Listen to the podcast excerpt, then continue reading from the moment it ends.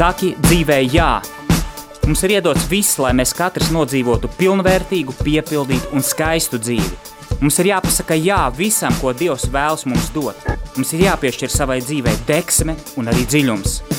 Jāatrod savs aicinājums, uzdevums un piepildījums. Kā pateikt dzīvē jā? Meklēsim atbildes un mācīsimies to darīt kopā.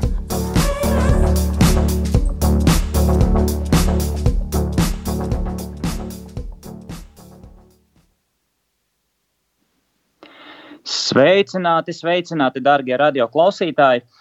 Uh, nu ko, pavasara, pavasara un vasaras ieskaņā ir klāta otrdiena, un ar jums kopā esmu es, Egīls Purviņš, un ir kārtējais raidījums Saki dzīvē jā! Un jāatzīst, ka šis ir sezonas pēdējais raidījums, jo tad mēs eh, visi, gan radio darbinieki, gan, gan arī uh, visi brīvprātīgie, mazliet, mazliet uh, iesim tādā savu veidu atvaļinājumā. Protams, radio turpina strādāt un būs pieejama gan ieraksti, uh, gan es pieļauju arī citas aktivitātes radio tiek paredzētas, bet uh, mūsu raidījums paņems atkal nelielu pauzīti, atkal apkoposim idejas, domas nākošai sezonai, līdz ar to šodien, šodien mēs tā mazliet noslēgsim, un šodien es aicināšu jūs aizdomāties tādus impulsus no savas puses, kā jau kārtējo reizi došu te, par tēmu mīlestība. Ja, cik, cik skaisti, cik no vienas puses uh, es teiktu vienkārši, bet no otras puses cik sarežģīti. Uh, protams, mīlestība tā ir tēma, par kuru var nu, runāt uh, dikti daudz un dikti plaši. O, mīlestība tas ir visa, visa dzīvības pamatā.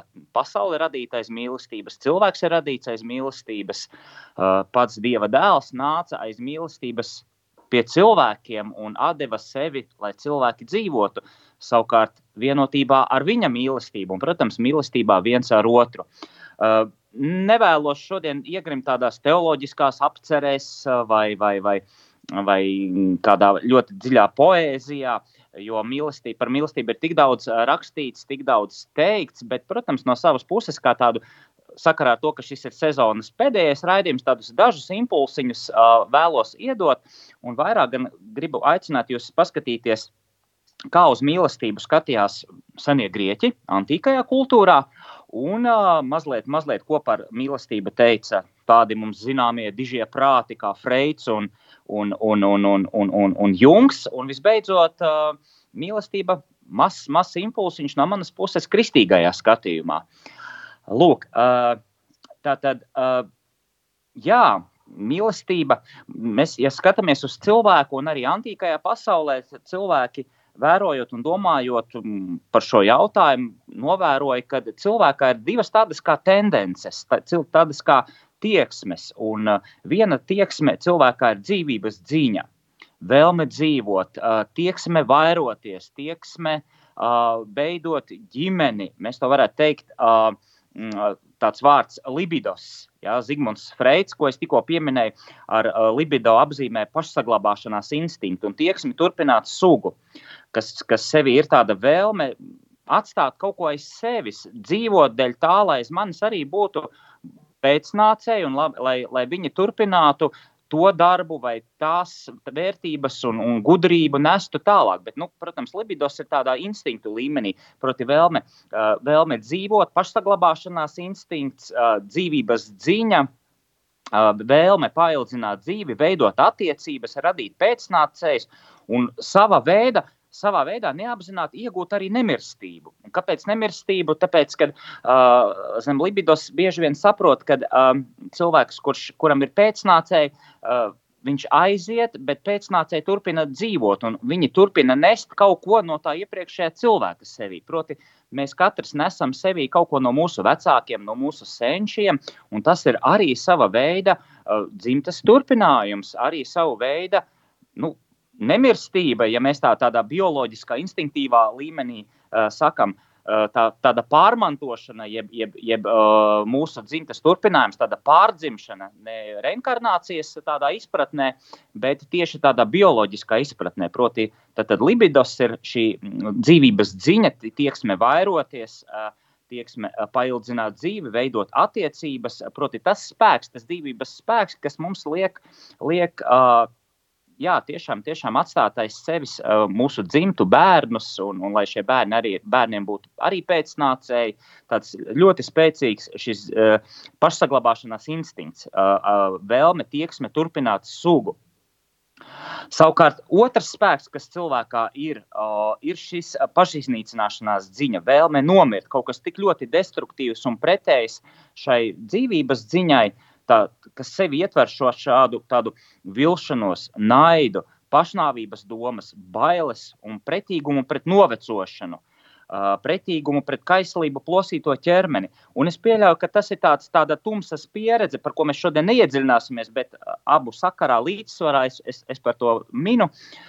Mēs visi esam saskārušies ar šo tumsas spēku sevī, kad mēs uzdodam arī eksistenciālos jautājumus. Un arī es domāju, man pirmais uzreiz prātā ienāca Ieba grāmata, kad Iebs piedzīvo dziļas ciešanas, kad viņam ir šie izaicinājumi, kā mēs moderni sakām, ja, bet patiesībā reāli, reāli, reāli dziļi smaga depresija un pārdzīvojumi par to, kā viņš uzdod šos jautājumus, dēļ kā viņš dzīvo, kāpēc viņam ir šīs ciešanas, kāpēc no viņa tiek paņemts viss, kāpēc viņa ķermenis, viņš redz, ka ķermenis noveco, ka viņš ir pārklāts ar šīm slimībām, ko Dievs tā kā pieļauj, ja, sāta, zinām šo stāstu Ieba grāmatā, ka sātans nāk sist, ja, Iebu un visa viņa dzimtu, un savā veidā viņš piedzīvo ir tas vārds tanatos, jeb uh, pretējā, pretējā šī tendence, tāda de destruktīvā, destruktīva tendence, kad cilvēks piedzīvo šo tumsu, ja? mm, savu veidu agresivitāti, destruktīvas zemapziņas dzinulis, ja? šis grieķu vārds tanatos. Un šo, šo destruktīvo spēku, šo vilšanos, šīs bailes, šo pretīgumu, šo noliegumu, es pat teiktu, dzīves noliegumu piedzīvo Ieps, un, un, un viņš to piedzīvo attiecībā uz sevi, attiecībā uz dzīvi, un viņš uzdod šos eksistenciālos jautājumus, kāda tad visam ir jēga. Ja? Bet par tajā mēs, protams, es negribu, lai mēs šodien iedziļinātos, ja, jo tā ir tā tā tumšā puse, kur, protams, mēs varam analizēt un ko mēs katrs esam piedzīvojuši un pieskārušies, kad ir kaut kāds mūsu spēks, kad mēs saprotam, ka mēs esam mirstīgi. Kā cilvēki, jā, mēs ticam nemirstīgai dvēselē, mēs ticam mūžīgai dzīvei, bet mūsu ķermenis aiziet, mēs redzam, ka dzīvē arī cilvēki aiziet, mēs redzam arī ļaunuma spēku, jā, arī kara kontekstā šobrīd un, un, un vispār cilvēku ciešanu kontekstā, jā, tad pastāv šī tumšā puse. Bet, uh, Atgriežoties pie libidos, ja jeb šī dzīvības dziņa, tieksme vairoties, vārds libido ir sastopams arī Svētā Augustīna darb, darbā De Civitate Dei. Uh, Augustīns gan uh, to sasaista ar uh, nozīmi kā iekāri, kā tādu miesas iekāri. Protams, ka miesas iekāri tā ir vēlme vairoties, vēlme vēlme, uh, šī dzīvības uh, dziņa, vēlme veidot attiecības un radīt pēcnācējus. Savukārt, kā jau sākumā minēju, otrs mūsu dižais, dižais uh, psihoanalītiķis Jungs saka, ka libido ir psihiskā enerģija kā tāda. Proti, tāda visaptveroša dzīvības enerģija. Nu, mēs citās kultūrās varam to atrast, piemēram, indiešu prāna jā, vai ķīniešu cīņa. Ja, šī enerģija, proti, ir kaut kāda dzīvības matērija, kas aptver visu, kas visam liek dzīvot, puķiem. Tagad mēs varam pavasarī, lai gan ir augsts vēl, un, un, un, un, un, un, un cerams, ka būs, būs nedēļas nogalē siltāks, ja? bet mēs redzam, kā daba mostās, daba aug. Ir kaut kāds spēks, kas, kaut kāda enerģija, kas liek, uh, liek, liek visam uzplaukt, uh, dzīvībai atvērties dabā un arī cilvēkā. Un, protams, jā, austrumos mēs, mēs varam atrast šos skaidrojumus, ka tā ir šī, protams, šis spēks, ja vis, visu uztverošā uh, visu aptverošā šī dzīvības enerģija. Tas nav, tas nav varbūt tāds dievišķais vai, vai teiksim, skaidrojums, ka kaut kāda saistība ar, ar, tieši ar dievu būtu, bet vairāk kā tāda kā liku, visuma spēks. Ja? Proti, visuma spēks, dzīvības spēks, dieva radīts noteikti mēs tā varētu meklēt. meklēt uh, izpratni, jā, bet eh, dzīvības spēks, kas liek visam dzīvot miedarbībā ar citiem fizikas un dabas likumiem, ar saules enerģiju, ar bioloģiju kā tādu, proti, libido. Jungs skaidro, ka libido ir šī psihiskā enerģija. Un tikai viens no tās veidiem ir seksuālā tieksme. Ja? Cik interesanti, kad, kad arī mūsos mēs varam cilvēku sevi var, var novērot, ka mūsos ir taču vēlme dzīvot, ir taču vēlme pēc uzplaukuma. Proti, ķermenis arī, ja mēs tā skatāmies bioloģiski, ja, mati mums attaug, ja, vīriešiem bārda, ja, tur apspalvojums un, un bērni arī aug. Ir kaut kāds spēks, kas liek cilvēkam augt, atjaunoties, šūnas atjaunojās. Uh, Jā, proti, ir kaut, kā, kaut kāda psihiskā enerģija, kas uztur ķermeni. Ja? Un, bet Junks saka, ka viens no tās veidiem arī ir šī te, seksuālā tieksme. Nu, lūk, uh, jā, tā tad divas tendences uh, - libidos, šī dzīvības ziņa, tieksme vairoties, un tā natos, jeb pašiznīcināšanās ziņa, vēlme nomirt, un uh, šis tumšais spēks, kas, kas, kas ir klātesošs un ko mēs citreiz dzīvē arī, arī pie, pieredzam. Jā, un atgriežoties pie mūsu uh, antīkās pasaules, kur es arvien vairāk un vairāk patiesībā kaut kā pēdējā laikā man tas interesē un, un, un, un pētu un lasu. Uh, senajiem grieķiem, sengrieķu, vārda, sengrieķu valodā ir četri veidi, kas apzīmē mīlestību. Cik interesanti. Nu, Latvijasiski mēs, nu, mēs zinām, mīlestība. Mēs varam teikt, uh, no, mīlestība latviešu valodā, man liekas, ietver visu, visu to labo un skaisto, visu to patieso, uh, kas, kas cilvēkā ir, kas ir uh, vispār visumā, un, un ar mīlestību ir augstākais gan. Mm, nu, radošākais spēks, ja, uh, mīlestība. Dievs ir mīlestība, mēs sakām, ja, bet senie grieķi, grieķi uh, apzīmē, dal, iedalīja mīlestību četros tādos veidos. Un, uh, pirmais ir šis filija, esat dzirdējuši noteikti. Ja? Tā ir tā brālīgā mīlestība, draudzība, cieņa pret vecākiem. Ir šis manis minētais uh, libidos, bet uh, grieķi saka eros. Jā, mēs zinām, eros uh, arī mākslas darbos, skulptūrās bieži vien eros un erots ir saistīti. Jā. Uh, ir erots šis eņģelītis ar spārniem, kurš šauj bultas un, un liek diviem cilvēkiem iemīlēties. Jā, proti, iemīlē, ie, iemīlēšanās, iekāre, kaislība, seksuāla tieksme. Ir šī agape, līdzcietība, nesautība, cieņa pret svešinieku, šī žēlsirdīgā mīlestība un storge. Un storgion ir kaut kas līdzīgs kā filija, bet uh, senie grieķi uh, iedala tomēr, ja, ka tā ir tāda arī kā pieķeršanās, pieķeršanās tādas kā saites, storge, ja, storgē, ja mēs to uzsvars, es neesmu grieķu valodas uh, pazinējis, ja, bet uh, šos terminus storgē, proti pieķeršanās, pieķeršanās starp vecākiem un bērniem, arī starp laulātajiem, arī, protams, Storgē ir tādas kā saites, ka mēs esam uh, savstarpēji, kā uh, Egzeperī saka, viens otru pieradinājuši. Ja? Tāda savstarpējā pieradināšana, atcerieties, uh, Egzeperī uh, mazo princi, kur Lapsa saka, mm, mēs esam atbildīgi par tiem, kurus esam pieredzinājuši. Labs grib draudzēties ar princi, un princis grib, mazais princis grib draudzēties ar labs, un viņi viens otru pieradina.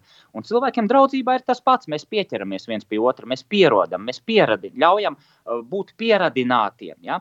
Un tad varētu sengrieķu valodā apzīmēt šo, to, šādu pieķeršanos ar vārdu storgē. Ja? Un, protams, šī pieķeršanās ir starp vecākiem bērniem, arī starp laulātiem. Tad, tad četri, četri mīlestības veidi - filija, šī brālīgā mīlestība, eros, kas ir tā iekāra, agapē, šī nesautīgā mīlestība un storge, storgē, šī pieķeršanās, šīs saites starp cilvēkiem. Un, ja mēs runājam par libidos, tad man te man ir tā, tāda vēlēšanās jums mazliet, mazliet pacitēt no Sokrā, Sokrāta runas Platona dialogā simpozijas. Eh, kas ir erots, jeb kas ir šī erota mīlestība? Kā mēs zinām, Platons bija Sokrāts skolnieks un, un ir atstājis dialogus. Tajos galvenā uh, persona ir Sokrāts, kurš sarunās ar saviem skolniekiem vai citiem Atēnu pilsoņiem, apspriež morāles, politikas vai, filo, vai filozofijas jautājumus. Un tad viens no dialogiem, ko mēs varam lasīt, ir latviešu arī pieejams, ir šīs dzīves, jeb simpozijas. Uh, Simpo, vārds simpozijas, tā burtiski arī tulkojot, nozīmē dzīves, jeb profesors Harijs Tumans saka, ja pavisam burtiski tulkot, tā, tā ir tāda iedzeršana, ja, kad sanāk, sanāk gudri vīri, gudri vīri apspriežās, viņi mazliet iedzer vai mazliet vai stiprāk iedzer, jā, to mēs nezinām, jā, bet, bet tā ir tā, tas ir simpozijas. Jā. Un kopš tā laika nopietnas, mūsdienās mēs nopietnas konferences saucam par simpozijiem, jā, nopietnas tikšanās mēs saucam, mēdzam saukt par simpozijiem, bet tā no sengrieķu laikiem tās bija tādas filozofu tikšanās, jeb gudru vīru spriedalēšana pie vīna glāzes vai, vai pie kāda cita dzēriena. Un ko tad šie gudrie vīri, mūsu gadījumā Sokrāts, Platons, um, saka par erotu? Uh, uh, Platons uh, uh, citēšu, citēšu simpoziju, uh, un te ir tāds teksts, ja, ka mīla Sokrāta nav tiekšanās pēc skaistuma, kā tu domā, bet tiekšanās dzemdēt skaistumu Tāreiz pamācījusi Sokrātu gudrā dieviete Diotīma. Mirstīgajam dzemdēt nozīmē iegūt nemirstību. Un mēs vienojāmies, ka labais mums jāiegūst uz visiem laikiem. Tātad tiekšanās pēc nemirstības ir erots. Mirstīgā daba cenšas, kā vien varēdama, kļūt mūžīga, bet viņa var to panākt tikai dzemdēdama, tikai atstādama kaut ko jaunu, vecā vietā. Nemirstības dēļ ir visa šī centība un mīla. Vīrieša un sievietes savienošanās ir dzemdēšana. Tā ir dievišķīga, jo mirstīgajā tad ir nemirstība. Proti, nemirstība ir bē, pāriet bērnos. Nu, redziet, kāds skaists teksts, jā, tieši tas, ko mēs ievadā sākumā runājām, kad šis šis libidos ir vēlme iegūt nemirstību, un, un senie grieķi jau to apcerēja, proti, vērojot šos divus spēkus cilvēkā, šo destruktīvo spēku un šo dzīvības ziņu.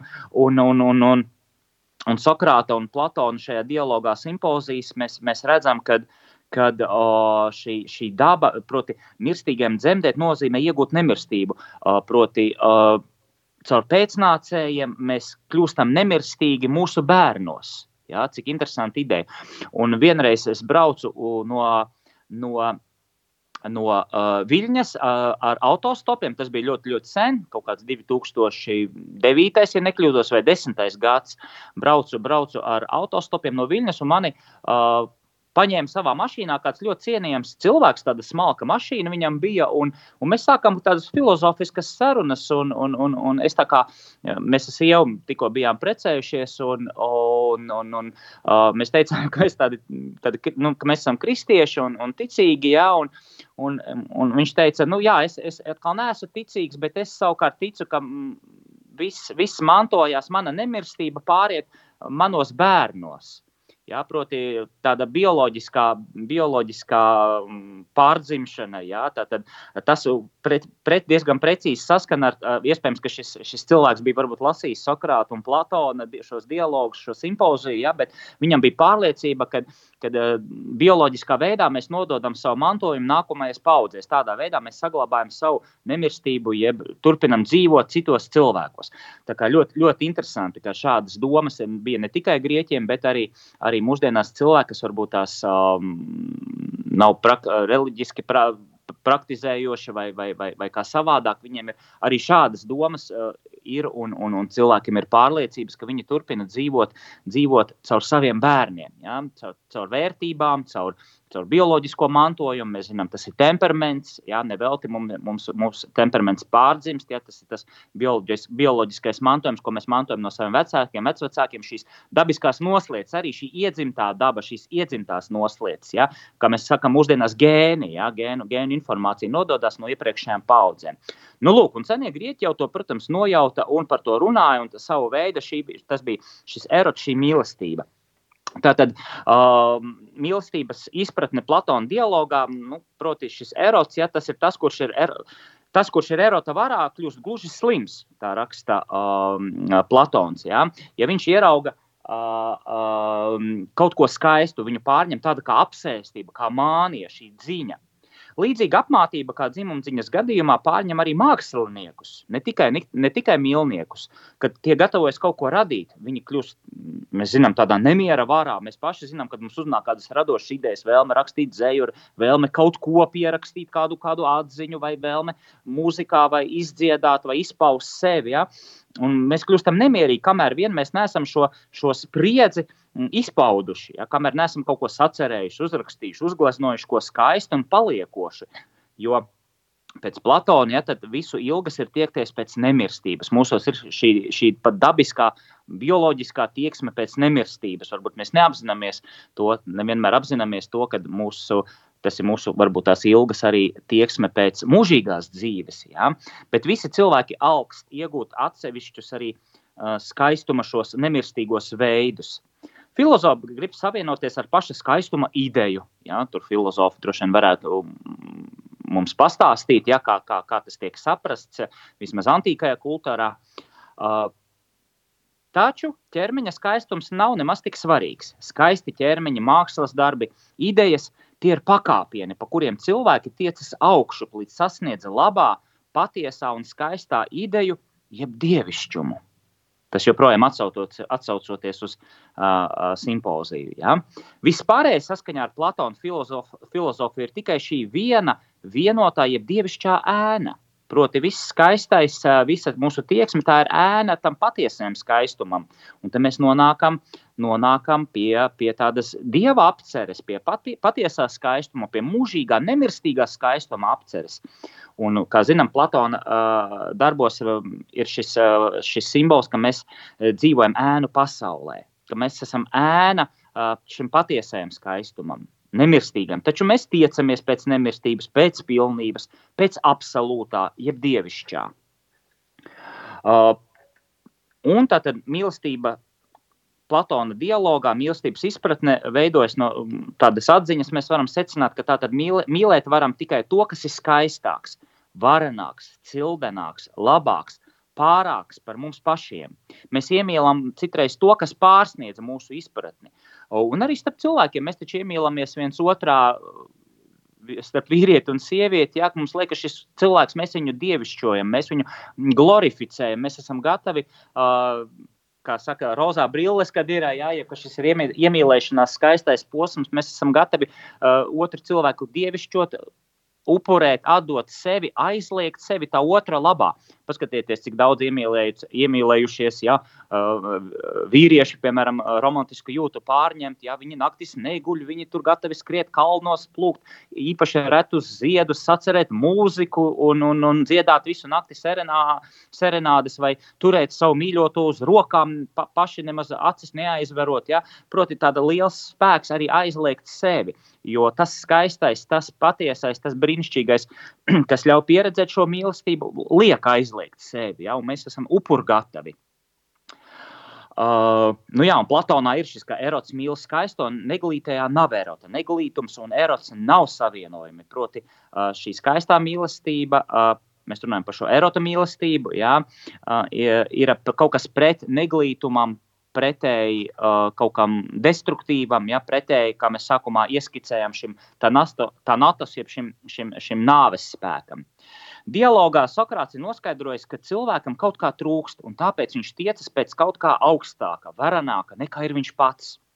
Un mēs esam arī dzīvē pieredzējuši, ka mums vien, ir brīži, kad mums kā, kā pietrūkst, mums vajag šo piepildījumu. Proti, cilvēks mīl to, kā viņam pietrūkst, jo, ja viņam nekā netrūkst, viņš taču netiek tos mīlēt. Ne? Eros liek zemākajam tiekties pēc augstākā, kas ir visu ilgu virziens, kas noved atpakaļ pie dievības, pie visa esošā pirmcēloņa. Proti, caur, arī caur instinktīvo erots ir šī instinktīvā mīlestība, šis libidos, jā, arī mūsos modina šīs garīgās jūtas. Šis virziens uz augšu ir saistīts ar labā, skaistā, patiesā iegūšanu un paturēšanu. Un šajā sakarā es gribu arī pieminēt, ka arī seksualitāte tā arī ir, ir kaut kas skaists, kaut, kas, kaut kāda, tā ir milzīga dāvana, jo no, no šī erota, no šīs seksualitātes, jā, no šīs libidos spēka, taču dzimst bērni, jā, mūsu, mūsu nākotne. Un, un, un, un nevelti saka, daudz, ir garīgi autori saka, ka uh, uh, seksualitāte uh, ir sava veida arī starp laulātajiem. Uh, tā ir sava veida liturģija, kad mēs pieredzam dzīvības ienākšanu caur mūsu miesām, caur cilvēku savienošanos, caur jaunas dzīvības ienākšanu pasaulē, kas ir noslēpums patiesībā. Ja? Es domāju, ka viens ģimenes cilvēks piekritīs man, kad ieraugot, ka mazs bērniņš piedzimst, jā, tas ir milzīgs noslēpums, ka tu nu, nevari to izskaidrot. Tu redzi, ka saproti, ka, kā varbūt tās ir bijusi šī mīlestība, šī iekāra, šī, šī savienošanās, laulība, savstarpējā viens otram dāvāšana, bet un, un, un uz tā visa pamata ienāk jauna dzīvība pasaulē, ja, kas ir milzīgs noslēpums un, un apbrīnas un uh, saviņojuma tāds brīdis. Ja. Uh, savukārt, uh, mm, lai cik tas izliktos cēlu un skaistu, ir, ir domātāji, piemēram, latviešu domātājs tāds Kārlis Kunziņš, kurš uh, tomēr kritizē tādu sengrieķu mīlestības izpratni. Viņš saka, ka īstenībā tas, ko mīl Erosa varā, uh, nav persona, bet viena abstrakta ideja. Un mēs zinām, ka seniem, seniem grieķiem jau patika tās abstraktās idejas apcerēt un, un par viņām domāt, bet tajā pašā laikā tajā ir kaut kas, kaut kas arī mūžīgs un skaists. Ja? Bet Kārlis Kunziņš raksta, ka Eros ir spēks, kas bēg no zemes smaguma un putekļiem un liek dvēselēm tiekties uz augšu. Savukārt agape, nesdama laimes pārpilnību, no augstumiem tiecas lejup, lai sniegtu roku tiem, kas iemīti dubļos un putekļos. Erosa izējas punkts ir racionāls, nu, sap, mums saprotams, jā, mums ir iekāra, mums ir uh, iemīlēšanās, jā, mums ir šī dziņa, šis libidos, jā. savukārt agapes, agapes izējas punkts ir iracionāls, jo prāts nevar saprast, kā var mīlēt neglīto, vātīm apkārt, ap, apkār, um, noklāto. Eros ir dabiskā tieksme pēc mērķa, kas sola personīgās uh, laimes pārpilnību, Eros būtībā ir egocentrisks, tā saka Kārlis Kunziņš. Savukārt agape nav atvasināma no dabiskiem pašpaukstināšanās motīviem. Tā iet pāri dabai un nemeklē savu labumu. Eros iemieso kaut ko būtiski vīrišķīgu. Platona dialogā ir runa tikai par vīrieti kā mīlētāju, ja? proti, šo, šo mīlestības spēka nesēju. Savukārt, kristīgā agape nevar izpausties vīri, vīriešu dzimumā vien. Eros ir spēks, kas tiecas uz ideju, ja, kā mēs tikko skatījāmies, bet agape ir spēks starp diviem personāliem pretpoliem, personībām, kas īstenojas vienīgi es, tu attiecībās. Ko mēs no tā secinām? Tātad mīlestībā svarīgs ir ne tikai mērķis, bērni, turpinātība, nemirstība, bet arī pašas attiecības. Jo no kristietības viedokļa pats Dievs ir attiecības. Proti, Dievā ir šīs trīsvienīgajā dievā ir šī mīlestības apmaiņa. Un uh, tā ir nevis tiekšanās pēc šī viena mērķa, ja, bet tā, tad, tas ir process, kurā ir šī apmaiņa, uh, šis trīsvienības. Uh, nu, jā, mīlestības apmaiņa šajā trīsvienībā, jā, ko mēs varam kontemplēt, kā mēs gudri izsakāmies. Jā. Tātad pats process, kurā uh, arī cilvēkam, cilvēks ir aicināts būt iesaistīts ar savu miesu, ar savu dvēseli, ar visu savu garu. Un, uh, jā, mēs, mēs varam salīdzināt, ka antīkajā pasaulē šis eros zemākais erots, ja tā ir mīlestības iekāre, kas tiecas uz no apakšas uz augšu. Jā, un mēs varam uzreiz tā salīdzinoši par to uh, ienāca prātā man uh, par to libidos runājot, ir arī uh, indiešu, indiešu um, filozofijā, jogas filozofijā ir šī kundalīni enerģija, jā, proti šī kundalīni čakra, jā, tas, tas dzīvības centrs, seksuālās enerģijas centrs, kas tiec uz augšu. Man tas at, nu, tā prātā ienāca tas attēls, ja, ka viņiem ir šis arī tas erots, ja, proti tā mīlestības iekāra, tiekšanās pēc pilnīgākā, varenākā, skaistākā, bagātākā, lai, tā, lai to iegūtu sev. Mē, Erots antīkajā, erosijā, antīkajā pasaulē tā kā vēlme iegūt sev šo mīlestību, iekarot. Mīlēt var tikai skaisto, neglītajā nav šī erota. Platonam, Platonam augstākais eros ir tieksme pēc labā, skaistā, pēc šīs idejas, pēc šī ideālā, ko dievība ielikusi cilvēkā. Alkas pēc nemirstības fiziskā mīlestībā īstenojas bērnos, kā mēs runājam. Garīgajā pasaulē, vērtību ziņā tas īstenojas mākslas darbos, politiskās teorijas un filozofiskā ideja vērojumā. Tas ir antīkajā pasaulē, kultūrā.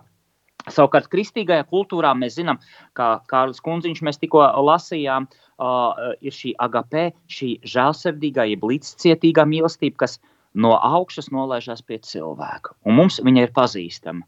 Mums, kā kristiešiem, mums, kā ticīgiem cilvēkiem, mēs katrs esam viņu piedzīvojuši. Mēs esam piedzīvojuši sevi šos abus spēkus, šo vēlmi paust mīlestību, šo ziņu pēc otra cilvēka, pēc ideālā, pēc skaistā, bet tajā pašā laikā mēs katrs esam piedzīvojuši un esam bijuši savaldzināti uh, ar šo mīlestību, kas nāk no augšas. Un tāpēc, manuprāt, cilvēki, mēs nu, esam kļuvuši ticīgi cilvēki. Protams, mēs esam pieredzējuši, ticība jau nerodas no tā, ka ir kaut kāda ideja, kā filozofija. Mēs šo ideju pieņemam un ar viņu staigājam.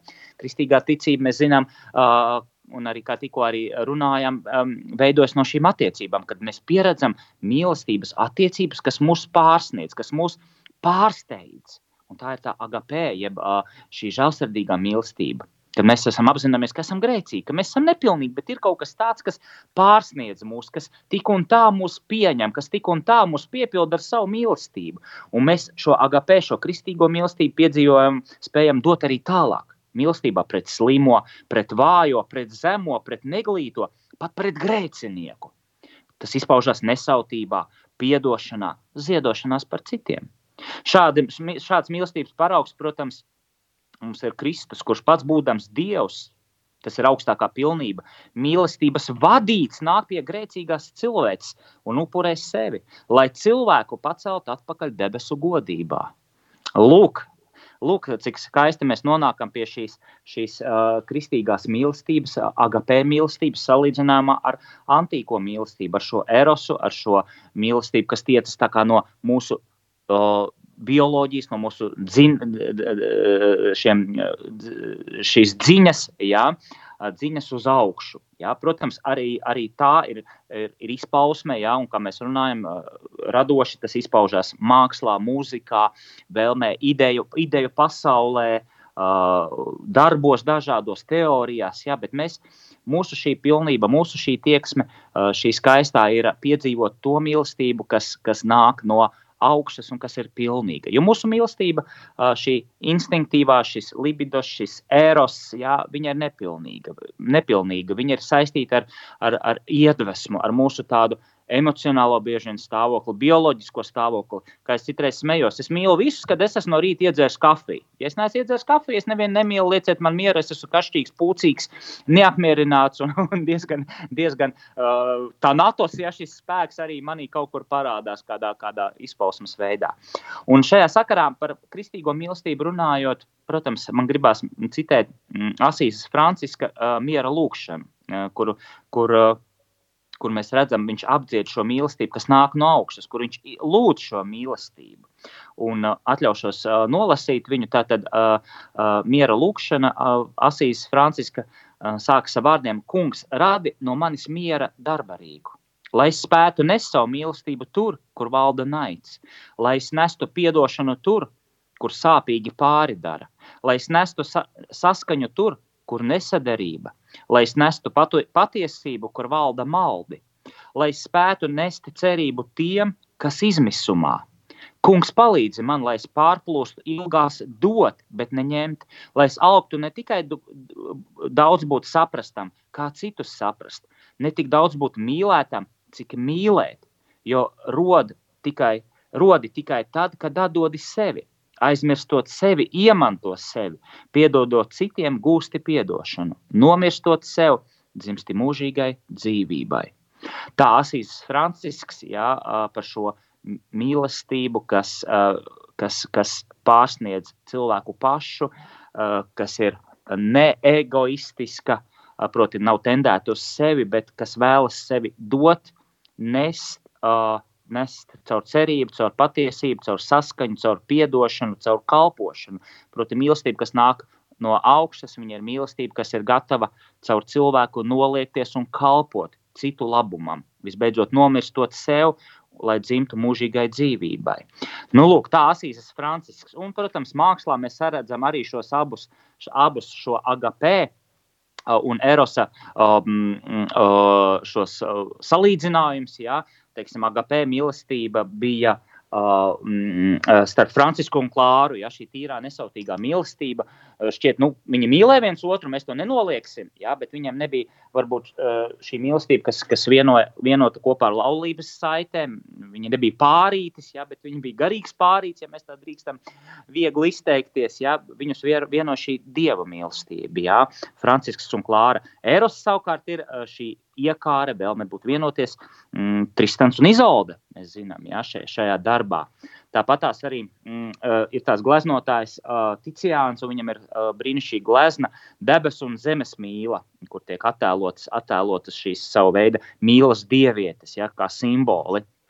Uh, līdzīgi arī mākslā uh, mēs zinām, ir ikona, kas ir dievišķā atveids, vēlme atspoguļot uh, dievišķo dievu. Jā, mēs redzam, Kristus ikona, dievmāts ikona, jā, un ir portrets klasisks mākslas darbā, vai tas būtu renaissance vai kāda cita laikmeta mm, gleznojums, ja, kas atspoguļo šo pasaulīgo mīlestību, cilvēka skaistumu, bet tas ir portrets. Un, protams, ir atšķirība. Mēs skat, varam skatīties uz to pašu Ticiānu skaistu, kādu portretu, ko viņš ir gleznojis. Viņam ir daudz, man patīk, nu, tas ir brīnišķīgs gleznotājs, un, un, un, un ja nekļūdos, renaissance laikmeta, ja, viņam ir ļoti skaisti sieviešu portreti, ja, bet mēs nu varam nolikt blakus ikonu Un ikonai jau ir cits vēstījums, cits, cits, cita gaisma nāk no ikonas. Uh, ja? uh, līdzīgi arī mēs varam redzēt arī kultūrā, politikā, salīdzināt divus dažādus pretstatus. Ja? Māte Terēze, kas ir agapes mīlestības, šīs aizliedzošās, žēlsirdīgās, kalpojošās mīlestības iemiesojums, kuras visu savu dzīvi māte Terēze, tātad Kalkutas Terēze veltīja kalpojot citiem cilvēkiem. Viņa pati bija šīs agapē mīlestības, kura noliecās, mīlestības, kura sevi dāvā, nesēja. Viņas dzīves to apliecina. Un savukārt um, princese Diana, kas bija no smalkām aprindām, Jā, viņa nodarbojās ar labdarību, viņa tur mm, piedalījās dažādos projektos, un, un tā, bet viņa bija tāda laikmeta, laikmeta ikona, pasaulīga, pasaul, pasaules ikona, pasaulīgās tādas mīlestības ikona, šīs attiecību intrigas un, un arī šī, protams, beigās šī traģēdija ar viņas nāvi, ja, bet, bet uh, viņa savā veidā arī ir tāds simbol, simbols uh, laicīgai mīlestībai. Ja. Skaists.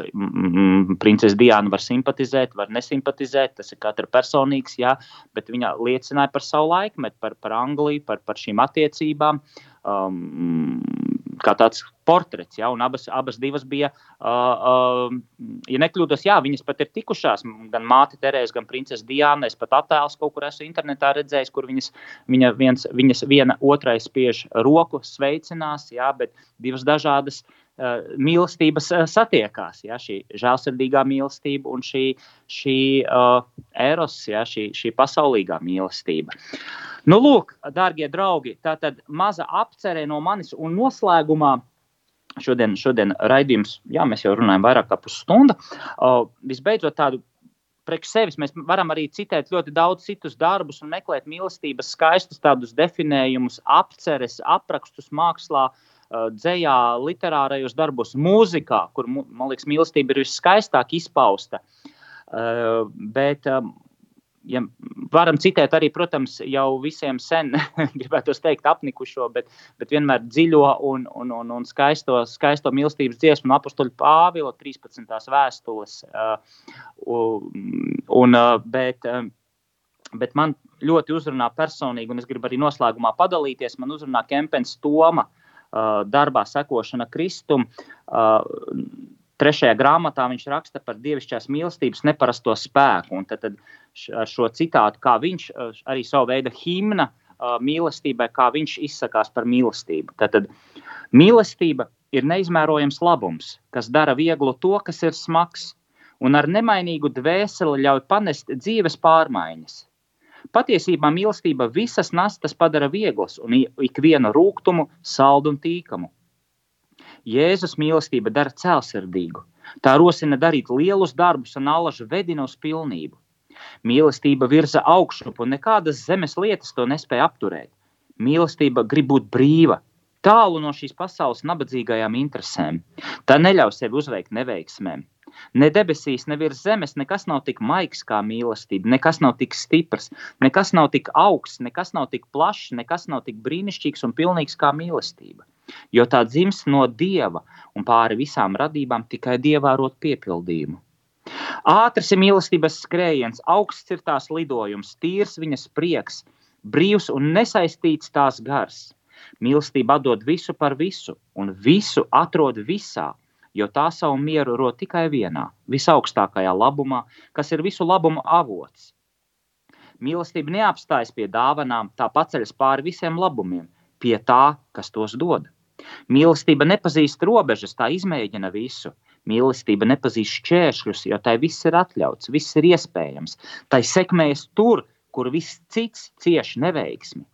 Mīlestība alaži ir nodomā, nomodā, tā nepazīst atpūtas. Nekādas grūtības to nenogurdina, šķēršļi nekavē, nekādas briesmas to nebiedē. Kā, dzīvas, kā dzīva liesma, kā liesmojoša lāpa, tā traucas uz debesīm, un neskatoties ne uz kādām grūtībām, tā allaž atrod izēju.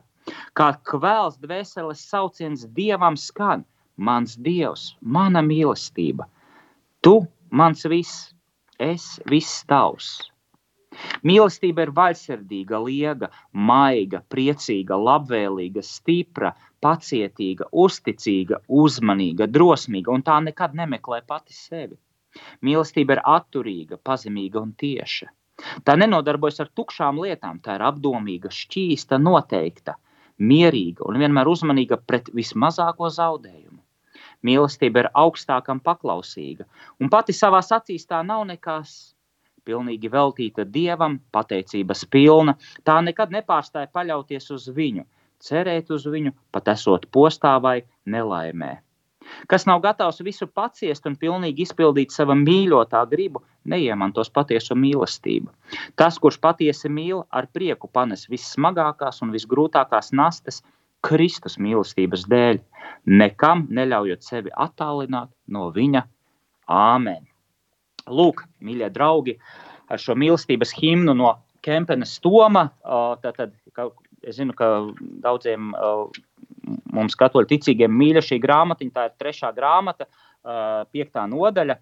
Varat atrast dievišķās mīlestības neparastais spēks, varat atrast un paši arī vēlreiz pārlasīt. Un, Un, un, manuprāt, nu, skaistāk, skaistāk jau tas ir tāds augstums, mīlestības lidojuma augstums. Ja? Uh, ar šo mīlestības himnu arī es noslēdzu šo raidījumu un uh, noslēdzu arī šo sezonu, lai jums mīlestības piepildīta vasara. Un, uh, man liekas, mīlestība tā ir tā, kur mums jāatgādina pašiem sev.